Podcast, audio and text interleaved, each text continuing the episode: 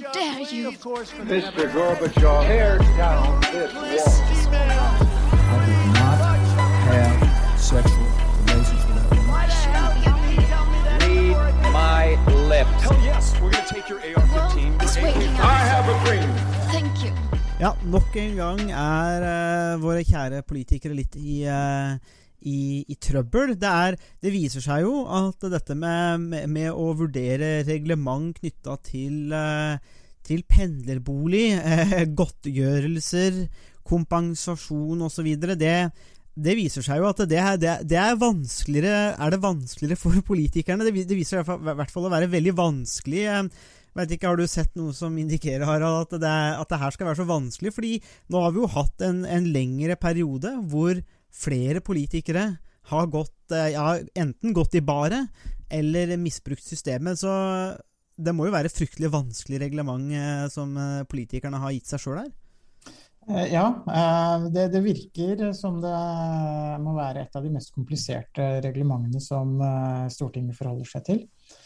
Og, men det som er spesielt, er, og som vi tenker er noe av essensen i alt eh, som har blitt sagt om både reiseregninger eh, og pendlerboliger og um, andre ting, eh, som, eh, som har vært noen av de spørsmålene som, eh, som har eh, angått eh, stortingspolitikerne, er jo at eh, i alle sakene så har jo eh, politikerne misforstått reglementet til Altså på en måte som gjør at de eh, tjener på det, eh, som eh, Lars Nehru Sand, NRK sin kommentator, eh, påpekte i går. Jeg tenker at Der, der har vi noe av, eh, av kjernen. Altså det, hadde det vært et komplisert eh, regelverk, så ville det kanskje kunne misforstås i begge retninger. Men her går misforståelsene bare én vei. Eh, og det er, jo, eh, det er jo påfallende. Hadde det, vært, hadde det vært sånn at noen av politikerne hadde kommet dårligere ut, Mm. Og kanskje betalt for mye skatt, eller eh, ikke fått tilgang på pendlerbolig som de hadde krav på, eller hva det måtte være, så, så ville situasjonen vært litt annerledes. Men her eh, er det, er det bare én retning eh, som misforståelsen har gått, og det er, eh, eh, både bemerkelsesverdig og, og påfallende. Og det er også noe av det som, eh, som gjør at disse sakene, selv om det i og for seg ikke gjelder kjempestore beløp i seg selv, eh, så er det likevel saker og spørsmål som, eh, som mange er opptatt av, fordi eh, regelverket virker ikke så komplisert, og det virker som det er et forsøk på å å utnytte smutthull og noen av de tvetydighetene som kanskje ligger i formuleringene. Det er, jo ikke, det er jo ikke så komplisert, det regelverket, sammenligna med hva alle andre er nødt til å forholde seg til i det daglige, med ulike former for eh, beskatning og osv. Det er jo mange ting man må forholde seg til her. og Vi har jo hatt en Nav-skandale, ikke sant, eh, blant annet, hvor, hvor regel også blei feiltolka. Det gikk jo da ikke opprinnelig. I utgangspunktet så var det jo mange da som hadde rett på, på støtte og eh, fra, system, fra, fra staten eller myndighetene gjennom Nav, eh, og som også ble straffa for misbruk og overtramp. og Det var ganske vanskelig å tyde, og det var så vanskelig at domstolene eller, eller myndighetene klarte jo ikke å tolke det sjøl, så det, det, tok litt tid å få, å få, å få renska opp i. så Det er jo ikke sånn at, eh, det er ikke sånn at vanlige folk ikke sliter med kompliserte greier. Forskjellen er jo bare det at hvis, eh, hvis du og jeg, Harald, eh, feiltolker eller misforstår systemet på en måte som gagner oss, så, så, så, så, får vi ikke bare beskjed om at ja, men det var, det var dumt, nå må du skjerpe deg, og så går, går verden videre. Da, da, da, er vi jo et eller annet sted og spiker paller eller tjener uh, en fengselsstraff. Ja, uh, det er jo det, det, som var konsekvensen for mange av de som ble uh, som ble dømt i, i Nav-skandalen.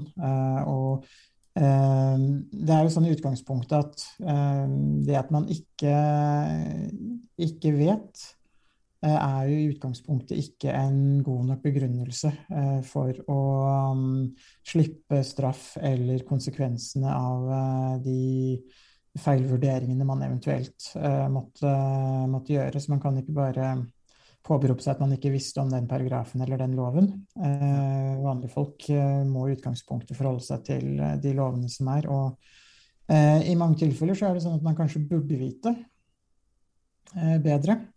Eh, og det er jo det som er spørsmålet når det gjelder politikerne, eh, om de burde, burde vite Men tror du ikke at de, tror du ikke at de veit bedre? Altså, Hvis jeg trekker på meg den litt mer kyniske hatten her. Altså, Vi, vi hadde denne saken med Ingolf Ropstad, hvor han også mente han hadde misforstått reglementet, og så beklaga han jo at andre følte at han hadde brutt regler, og sånn. At det var på en måte beklaga at andre ikke at, Ja, hva andre måtte føle. Men, men så etter hvert som den saken skred framover, så så man jo at ok, det her var egentlig ganske sånn bevisst feiltolkning eller misbruk av systemet. Eh, det var jo gjort med viten og vilje, mange av de tingene der. Å ha den adressen i, hos foreldrene sine osv. Det er liksom ikke det er, det er, ikke bare en glipp. Eh, det samme ser vi jo her, da, og nå gjelder det da stortingspresidenten, altså Eva Kristin Hansen fra Arbeiderpartiet, som også er nest etter kongen, da. Det skal vi også, så vi har hatt en statsråd som måtte gå av det her. Det er jo ganske alvorlig. Det er liksom sitter rundt kongens bord. Og nå har vi nummer to i systemet vårt, nest etter kongen, stortingspresidenten, um, som, uh, som, bygde hus og bodde i Ski fra 2014, men, men, oppga leilighet hos Trond Giske i Trondheim fram til 2017. Og det, altså, det, det, det, lukter jo det lukter veldig dårlig her. det som det, som jeg tenker, Hvis man er kynisk, og hvis man allerede tenker at politikere er litt onde, og de ljuger, og de er litt eh, moralsk eh, skruppelløse, så tenker man kanskje at ok, det her er jo faktisk folk som med, med relativt høy kognitiv kompetanse og, og evne. De, disse har, det er ikke det at de har misforstått, de har rett og slett bare brukt systemet, utnytta systemet til egen vinning. Det er det mange som vil si, eller jeg vil tro at det er mange som har, sitter igjen med den oppfatningen. Og jeg må jo si at det er vanskelig å å vri seg litt unna det der. Når, når, gang på gang politikere misforstår systemet, så reiser seg spørsmål Misforstår man eller har man eh, misbrukt? Eh, og det er klart, eh, det er jo, dette er jo bare åpne spørsmål som stiller. Eh, og vi skal, vi, skal, ikke ta stilling til uh, dette her, på en måte. Det er jo opp til uh, andre myndigheter å gjøre. Men det er jo noe som her uansett er problematisk, all den tid det er snakk om folkevalgte, og på vegne av oss. De representerer oss. Så klart, ja, det er jo litt sånn problematisk når, når det ser ut som de gang på gang på gang på gang havner i den situasjonen her. Eh, så du, du, sa jo før, før, at det er litt sånn påfallende. Eh, og jeg tenker jo at det også er veldig skummelt, da, og det er jo det vi skal snakke om i denne episoden her, og litt det der, litt der overordna bildet òg, men, men, men, men jeg, jeg, må nok si at jeg har, jeg har, faktisk vanskelig for å tro at de har misforstått. Eh, får bare si det sånn. Ja, og det som, altså, Du var litt inne på det med altså, Hvis man er litt kynisk, så tenker man at uh, politikerne kanskje er skruppelløse og lyver og og til en viss grad så er jo det en side av politikken også. Man må være litt skruppelløs. Eh, man må eh, kanskje eh, være litt sleip for å altså, ha litt spisse albuer for å komme seg frem i politikken også.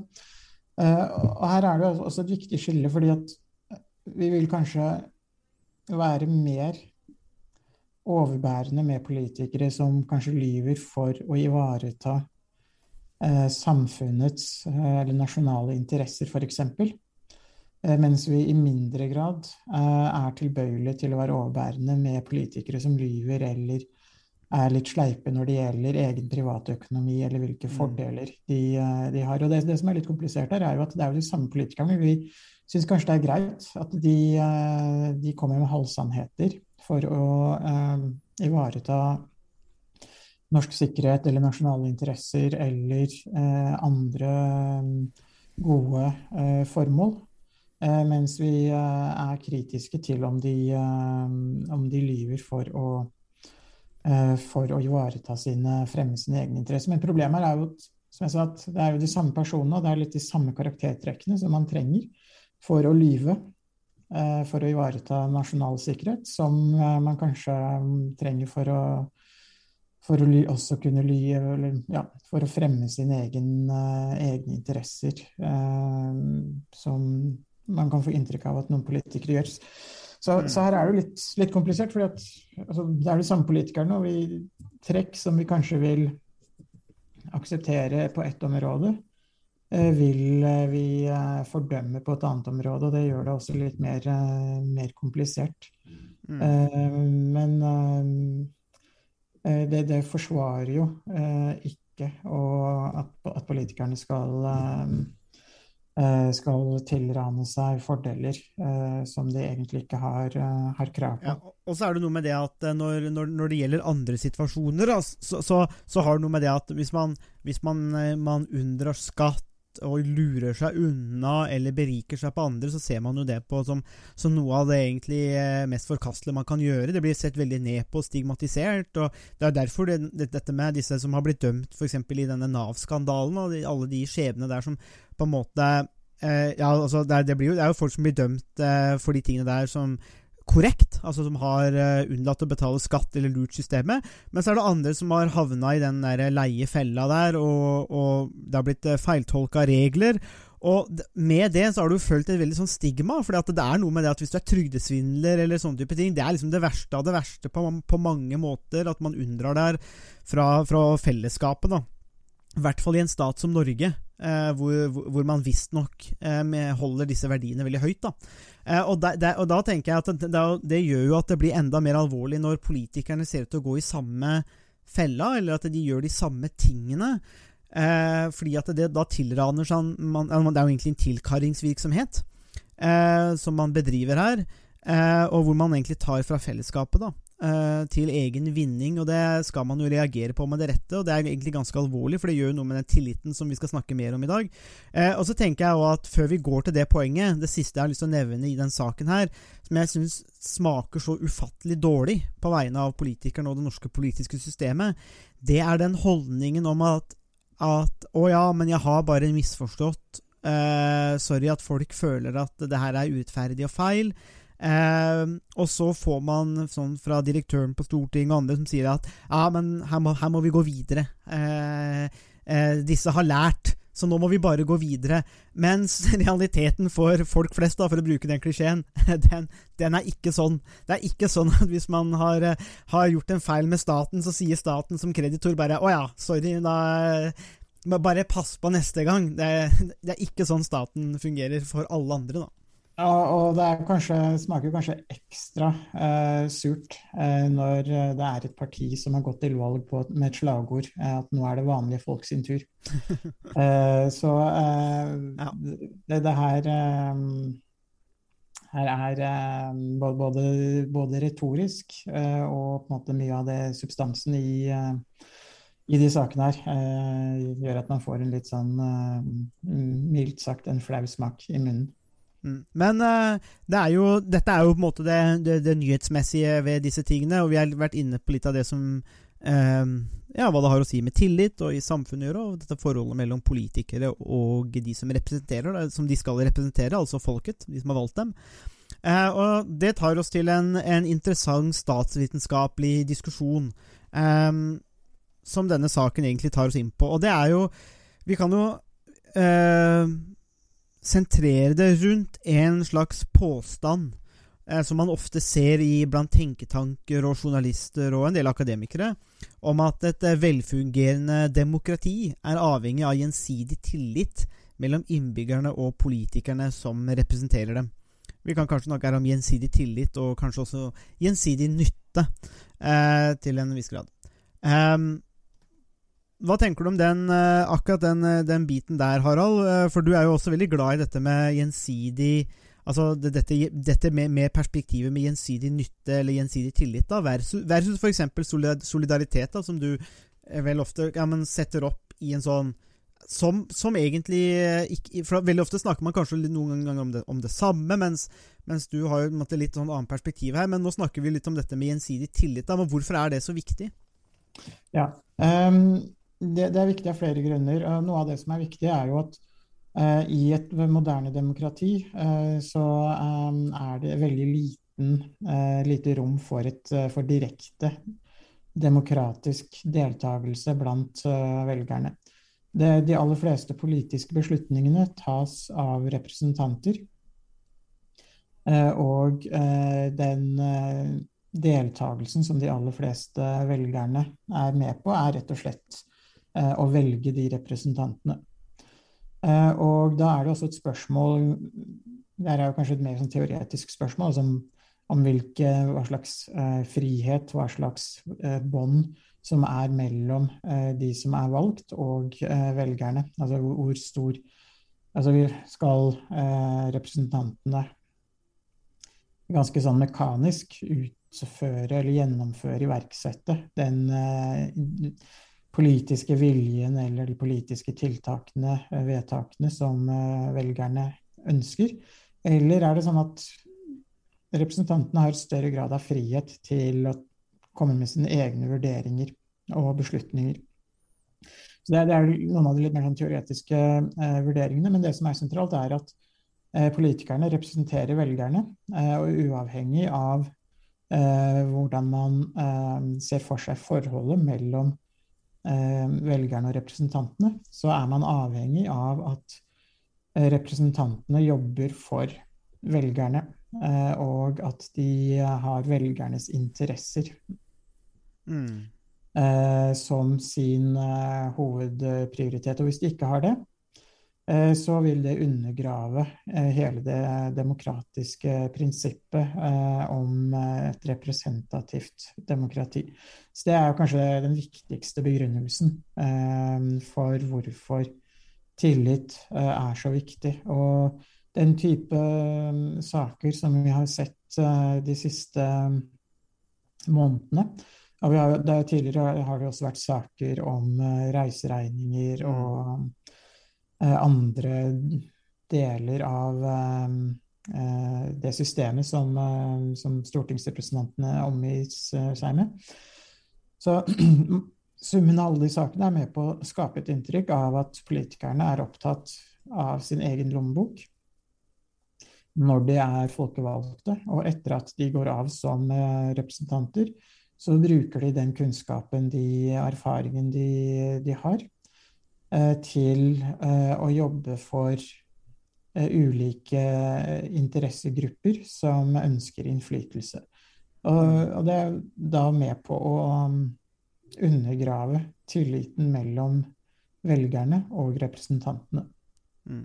Dette, med, dette, med, tillit er jo en sånn si, det er litt, litt sånn, det er et veldig sånn abstrakt abstrakt begrep. altså Det er vanskelig å måtte, konkretisere og gjøre håndfast, men det er jo noe som vi veit er ganske viktig. og det, det, har jo ofte noe med det at det, eh, har man tillit til hverandre, så senker jo det transaksjonskostnaden i samfunnet på mange måter. altså man Eh, hvis man skal hjelpe hverandre eller er noen tjenester, så trenger man ikke å skrive kontrakter for at de tingene blir gjort. Man kan stole på at eh, den andre personen gjør den delen av jobben, og du gjør din delen av jobben, og så har man det tillitsforholdet. Og det, og det gjør jo at måte, ja, transaksjonskostnadene senkes. Hvis man hele tida gikk rundt og var redd for at eh, Eller måtte passe seg å holde noen juridisk ansvarlig i disse forholdene, så vil jo ting blitt veldig byråkratisk og veldig tung, tungdrivent og rigid. og det er jo noe som da også da senker effektiviteten og produktiviteten. Og, slik at tilliten skal vi jo Den må på en måte vernes om. Uh, og jeg, jeg, jeg, jeg, satt og tenkte på dette med, med, med, med tillit uh, blant, altså til politikerne, det politiske systemet. Uh, og litt den samme koblingen i det arbeidet som, som, jeg har gjort da, i krigen mot terror, hvor man ser at vestlige land, og deriblant Norge, i, i, i, sitt for, forsvar for liberale verdier er veldig raske til å implementere illiberale eh, tiltak. Um, og, et, og, og, til en viss grad så er jo det forståelig i kampen mot alvorlig sikkerhetstrussel, det, det forstår man, men på et tidspunkt så blir det litt sånn at eh, man må passe på, eller man må etterleve de prinsippene og verdiene man, man uh, argumenterer for. Uh, man kan ikke, Ellers så blir det jo bare tomme ord. Uh, og det er jeg tenker noen ganger at i Norge òg, at den der tilliten som blir en slags klisjé. At i Norge sier at ja, vi har høy tillit til systemet, og vi har høy tillit til hverandre osv., osv. Men det er jo ikke noe statisk. Altså, det er jo ikke noe som er, er gitt i et samfunn. Det er jo noe som på en måte Det er en, en, en dynamisk et dynamisk forhold, eh, og, og, som også må forsvares og beskyttes på mange måter, og vedlikeholdes. Og jeg, jeg, lurer litt på noen ganger om politikerne tar litt for gitt den høye tilliten som er i systemet. Eh, for det er også forskjell på dette å ha tillit til noen, men det er jo ikke det samme som, å, det det samme som blind tillit. Man skal jo ikke da bare se, se, seg blinde på dette. Så jeg lurer litt på om man kanskje har eh, Ja, man kanskje ikke helt forstår på en måte alvorlighetsgraden her, da. Jeg, jeg vet ikke. Eh, jeg tror det er et veldig godt poeng. Man kan jo ta USA som et eksempel. På 60-tallet var USA et uh, såkalt høytillitsland. eh, som hadde høy tillit, hvor det var høy tillit mellom eh, borgerne, eh, og også mellom borgerne og Mm. eh, myndighetene. Eh, og nå, eh, 50-60 år senere, så har USA blitt eh, gått fra å være et høytillitsland til et mer lavtillitsland, hvor eh, tilliten både mellom eh, borgerne og mellom eh, borgerne og myndighetene er, har blitt eh, svekket over flere tiår. Eh, og det eh, Deler av den politiske utviklingen i, eh, i USA er jo, eh, gir jo grunn til bekymring. Mm. Eh, og polariseringen og den eh, økte politiske avstanden og den manglende tilliten mellom demokrat, eh, Det demokratiske partiet og Det republikanske partiet er, er jo alvorlig. Og eh, det er ikke sånn at vi i Norge eh, kan eh, bare tenke at det vil ikke skje her. Mm. Um, for på 60-tallet var jo både Norge og USA høytillitsland, og det er ikke gitt at Norge vil fortsette å være et høytillitsland. Får vi flere eh, eh, skandaler med politikerne, enten på lokalt eller nasjonalt eh, nivå, eh, så, så, vil tilliten eh, kunne svekkes i Norge også. Det er ikke sånn at eh, vi er immune mot det på, på noen som helst måte. Det Nordmenn er ikke nødvendigvis forskjellige og annerledes fra andre, andre, nasjoner. Det er bare det at noen av forholdene og institusjonene delvis vært annerledes i Norge enn i andre land. Men får man den samme utviklingen i Norge som man har sett uh, i andre land, så, så vil også tilliten, uh, tilliten svekkes. Uh, samtidig som vi har hatt skandalene og sakene om pendlerboliger i Norge, så har vi også sett en tilsvarende skandale i, i Storbritannia. Mm. Hvor det har vært mye diskusjon rundt parlamentsmedlemmene sine ekstrajobber, deltidsjobber, i tillegg til, til jobben som, som member of parliament. Og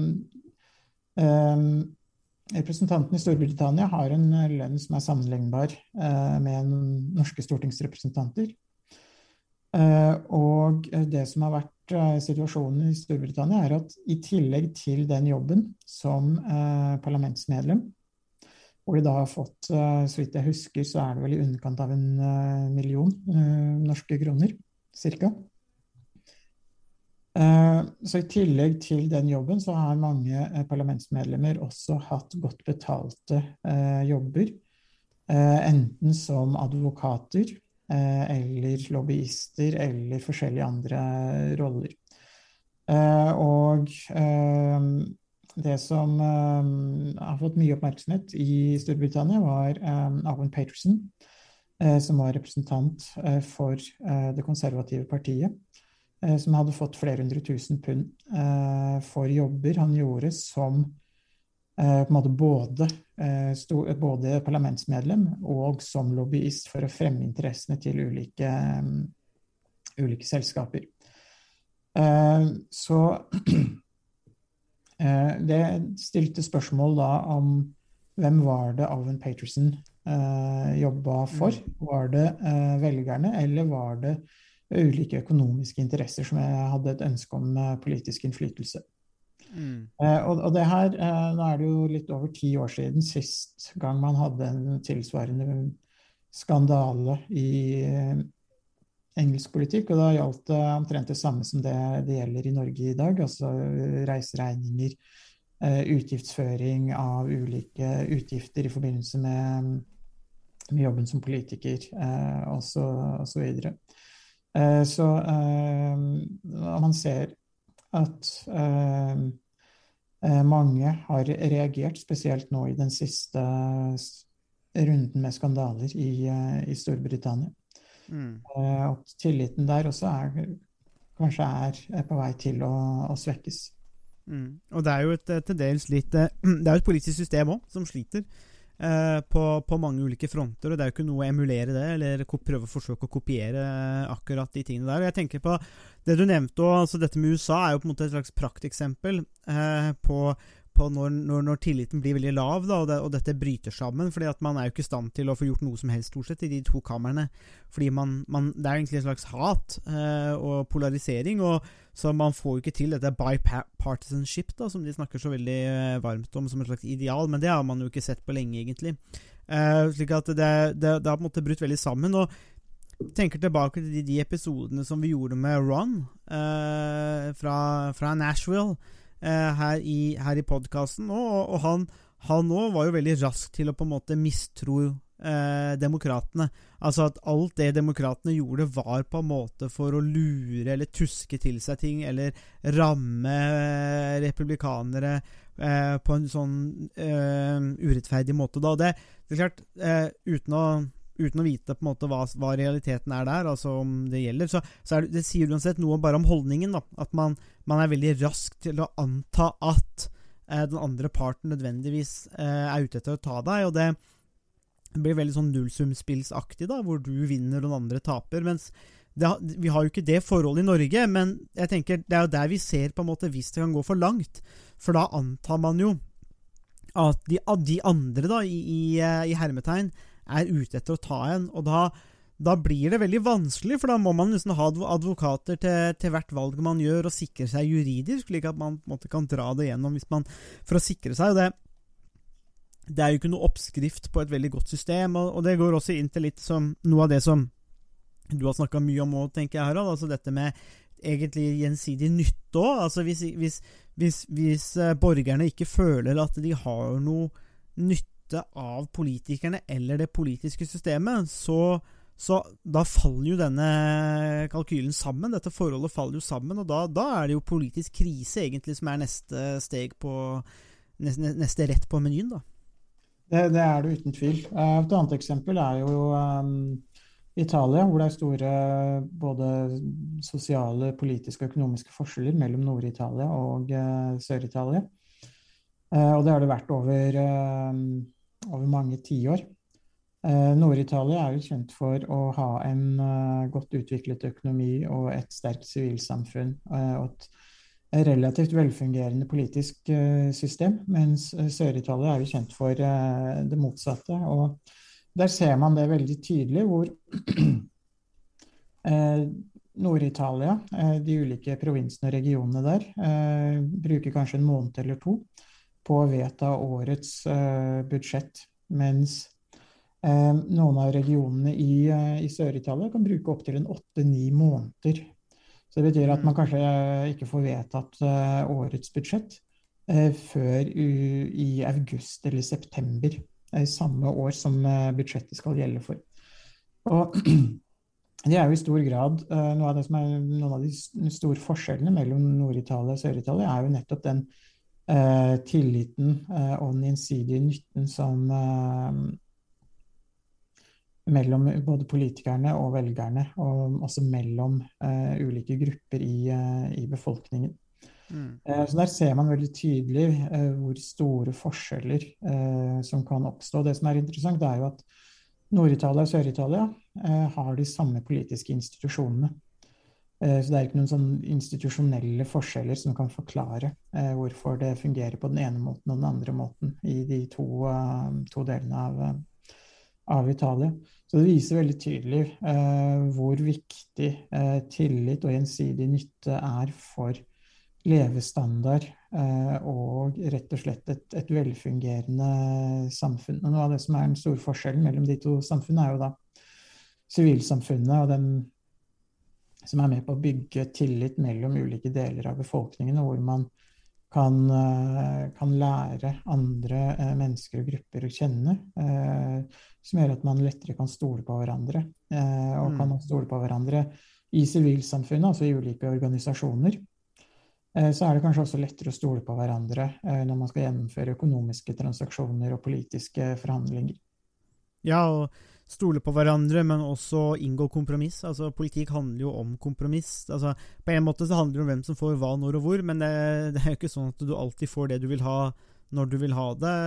Men du, opp, ulike grupper kan oppnå ulike ting på litt ulike tidspunkt, men det er enklere å inngå kompromisser eh, og oppnå ting som er nyttig for flere eh, når, når den terskelen er lavere.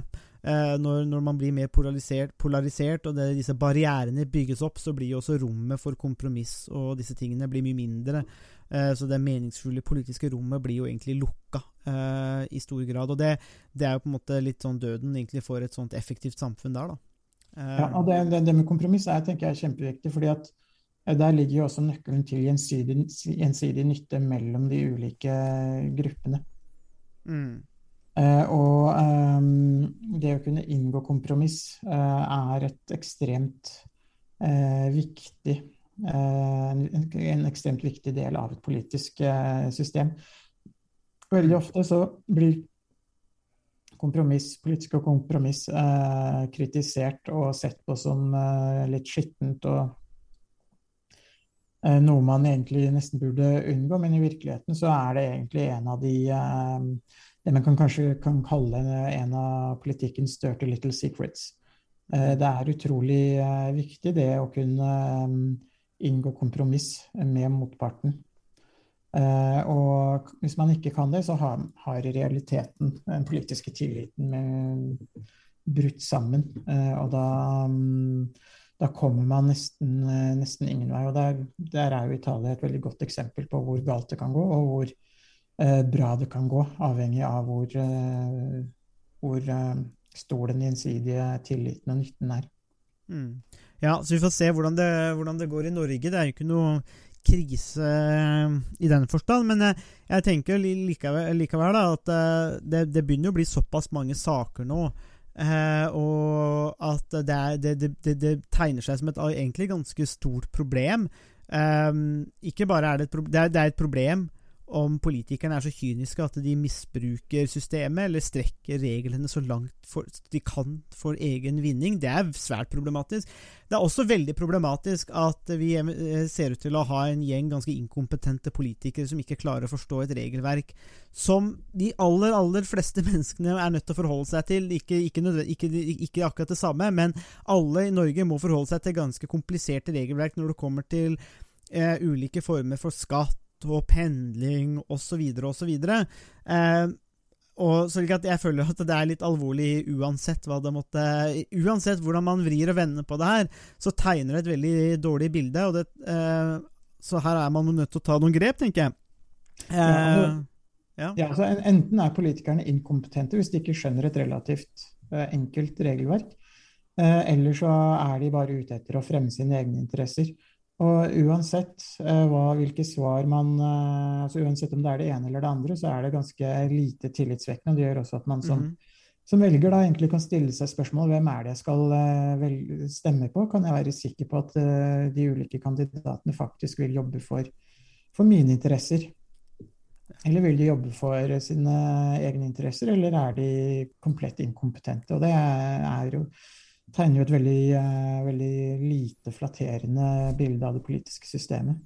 Mm. Ja, og jeg, må jo si at uh, jeg, jeg, vurderte jo lenge ved årets valg å stemme, stemme blankt. Uh, rett og slett gå til urnene og stemme blankt fordi at ja, som en, som en, slags protest. Det er jo forskjell på det å sitte i sofaen og det å gå, og faktisk gå og stemme blankt. Det er jo et litt mer sånn aktivt demokratisk valg å stemme blankt. Og si at ok, jeg tok meg bryet å gå til valglokalet, men det er så dårlig valg og så dårlige muligheter at jeg velger å stemme blankt. Og man kunne jo tenke seg at hvis, altså hvis nok gjør det, så, så, så, vil jo det innebære en alvorlig korreksjon. Eh, og, og, og, krav om ny retning i, i, det politiske systemet. Og det kan jo hende at ja, Jeg, jeg, jeg syns i hvert fall at det, det, valget fremstår jo mer og mer eh, attraktivt. Så jeg tenker jo da at uh, uansett, eh, og vi har vært inne på det nå, så er ikke det, dette noe politikerne skal, skal, ta veldig lett på. Jeg tror det her må, man trenger man gode her trenger man noen gode prosesser, eh, prosedyrer som blir sett på som legitime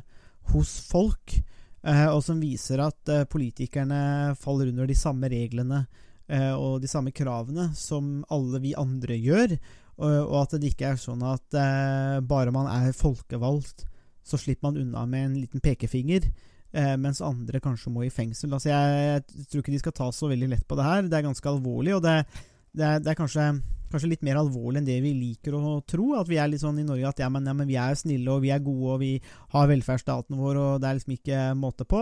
Uh, men uh, jeg, jeg synes at dette her er ja, Det tegner et ganske alvorlig bilde som vi er nødt til å ta på alvor. For det er ikke noe sånn at vi er bedre enn de andre. Det, vi, er ikke, vi, altså, vi er ikke mm, vi er jo ikke unntatt disse Vi er jo, er er jo feilbarlige, vi òg. Eh, slik at eh, det er ingen grunn til å tro at ikke all denne makten skulle korrumpere eh, våre folkevalgte òg, hvis, de- hvis de får muligheten. Så vi får, se, vi får se hvordan det går. Vi kommer sikkert til å snakke mer om det her seinere i podkasten, ettersom det toucher innom alt som egentlig er veldig relevant og interessant i, i statsvitenskapen. Så vi får i hvert fall passe på, vi. jeg vet ikke om vi er den femte, sjette statsmakt, Harald, men vi i SOS-podden vi skal i hvert fall holde, holde et øye eh, med disse politikerne.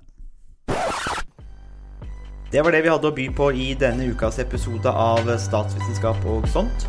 Musikken er komponert av Robin Horvath, og Thomas Focolato står for miksing og redigering. Du finner oss på Facebook, bare søk på Statsvitenskap og sånt. Der kan dere komme i kontakt med oss hvis dere har spørsmål eller kommentarer. Der finner dere også aktuelle artikler, videoer med mer.